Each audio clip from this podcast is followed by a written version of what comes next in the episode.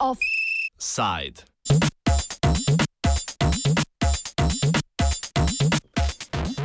V nedeljo so predčasne parlamentarne volitve v Španiji poskrbele za znatne spremembe razmeri moči v demokratični kraljevini. Zmago na volitvah je skoraj 29 odstotki slavila socialdemokratska španska socialistična delovska stranka, ki jo vodi Pedro Sánchez, premije manjšinske vlade od nezaupnice vladi pod vodstvom desničarske ljudske stranke, ki je padla zaradi korupcijskih afer minulo poletje.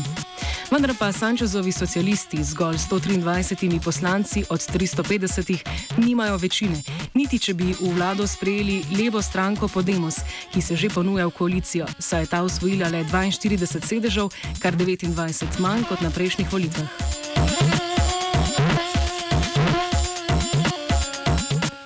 Desno-sredinska ljudska stranka, ki je kljub parlamentarni večini vlado pred slabim letom izgubila, je doživela skoraj 50 odstotni padec podpore in že napovedala, da bo vodila opozicijo in da koalicijsko partnerstvo s socialistično stranko ne pride v poštev.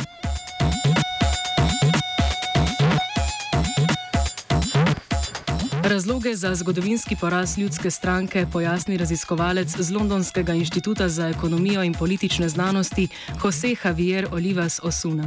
So the first thing, the, the reason for the, the bad results of the Conservative Party, there's, there are several reasons. So one of the main reasons is that uh, the Conservatives have uh, now encountered a new party from, from the right, so Vox, which is a kind of a far-right party, which have taken quite a lot of votes from them. So it has been over two millions and a half votes. So this, this explains part of the, the, reason why the PP, the Conservative Party, performed worse than, than last elections. The second uh, reason is also because um, the Popular Party has undergone uh, a little bit of a crisis uh, following the the vote of no confidence that uh, suffered the previous uh, Prime Minister Mariano Rajoy.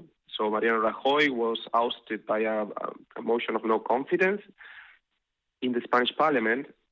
So that uh, opened a succession, a succession uh, debate within the party, and Casado, the leader, won, but he won not by a great margin. And actually, some people thought that the person that was most suit, uh, better suited to, to replace Rajoy uh, was uh, Sáenz de Santa Maria, who was uh, um, the former vice president. So that kind of created also a, a split within the party. Poraz ljudske stranke gre torej delno pripisati skrajni desnici. Prvič po koncu Frankove fašistične vladavine se je namreč v španski parlament prebila skrajno desna, le nekaj let stara, stara stranka Vox in dosegla kar dobrih 10 odstotkov oziroma 24 poslanskih mest, ter se s tem hkrati zajedla v volilno bazo na desnici. Posledice porasta skrajne desnice za razmernejšo ljudsko stranko opiše Osuna. The new style of Casado, who tried also to uh, imitate or somehow to move towards the right in his discourse. The, the Popular Party was a conservative party, but very much uh, has been uh, characterized as a center-right party, not not very radical. Uh, however, in during the campaign, uh, as a way to dispute uh, the vote of Vox, some of the slogans or partially the style of Popular Party has been a little bit more uh, right wing than than usual. So that has also created a little bit of a window of opportunity for Ciudadanos, who's a, a center party, which uh, from the center has also disputed these center right voters to Popular Party. So in some, Popular Party has lost votes to the right, to Vox, and votes to the center, uh, to Ciudadanos while also undergoing a process, an internal uh, dispute uh, uh, for the leadership. And with the situation of uh, now that they, they, they, they, they, they perform considerably worse, and actually it's the worst result of the Popular Party since it was uh, founded. Uh, and, and yeah, so this is where the, we are now.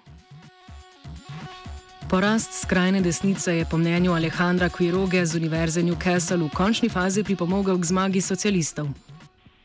Yeah, it's, um, it's a stereotypical far right uh, movement, uh, xenophobic, anti immigration, neoliberal, and anti gay rights, um, anti gender equality legislation.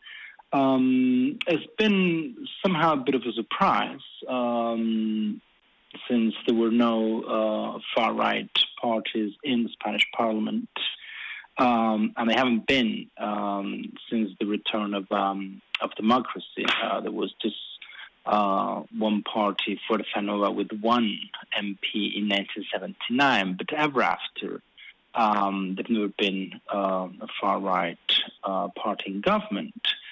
Um, so, in a way, it's been a bit of a surprise, but paradoxically, um, the prediction that uh, for the first time the far right was going to be in parliament um, has um, mobilized um, the left wing vote. Um, so the turnout was outstanding, roughly around 75% of people. Those were essentially um, left wing voters that were very, very scared of, um, of the far right get, getting into government. So, in that respect, um, that prediction or that possibility um, mobilized um, quite dramatically left wing voters that have decided to vote. Uspeh socialistične stranke pa ni nič manj posledica težav na desnici, kakor tudi na levici. Še na prejšnjih volitvah je nadobudna leva stranka Podemos dosegla porazne rezultate, velik del njenih voljivcev pa je najverjetneje pristopil k socialistom. Odnose na levici komentira Osuna. In the last elections, Podemos was quite strong, quite prominent. However, Podemos has, is a party that has also suffered internal disputes.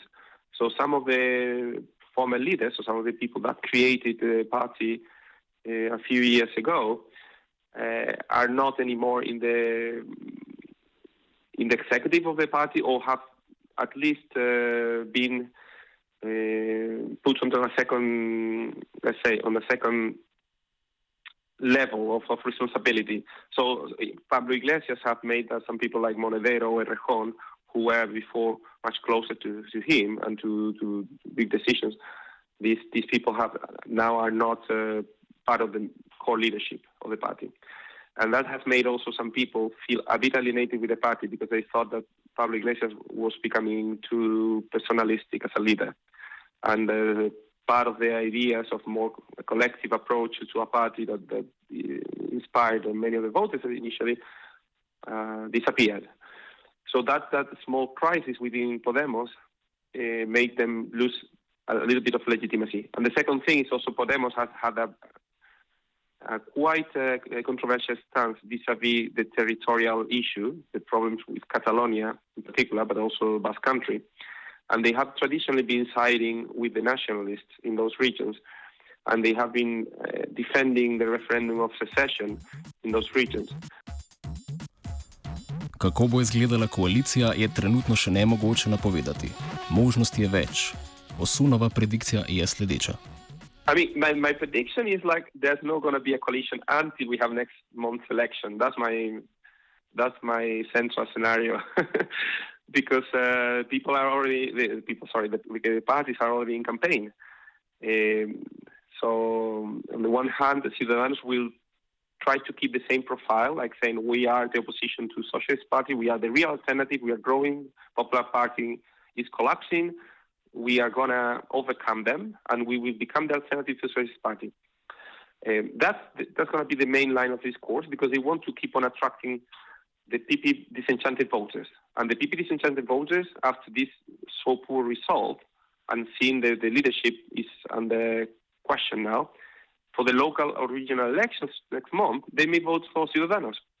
But for, in order for this to happen, Ciudadanos must keep still kind of a, a somewhat strong opposition to, to Socialist Party, at least in, uh, at the communication level, right?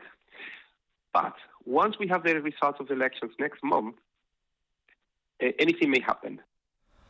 Quiroga našteje možnosti. Uh, well, at, at, this very moment, um, there are three possibilities for the Socialist Party, um, which, as you know, won the, the elections uh, yesterday. Um, one of the options is to form um, a coalition government with uh, left wing Podemos. Um, the second option would be uh, to form a government with uh, right wing Ciudadanos. And the, the third option is just to to go solo and to have a, a minority government uh, of the Socialist Party and try to govern, uh, reaching a number of um, agreements here and there with um, with um, different parties as they as the term um, goes. Ne glede na končno sestavo koalicije, je gotovo, da Španijo v prihodnosti čakajo še precejšnje politične spremembe. V kakšno smer bo zaneslo, lahko trenutno le ugibamo. Offside je pripravil Mirt.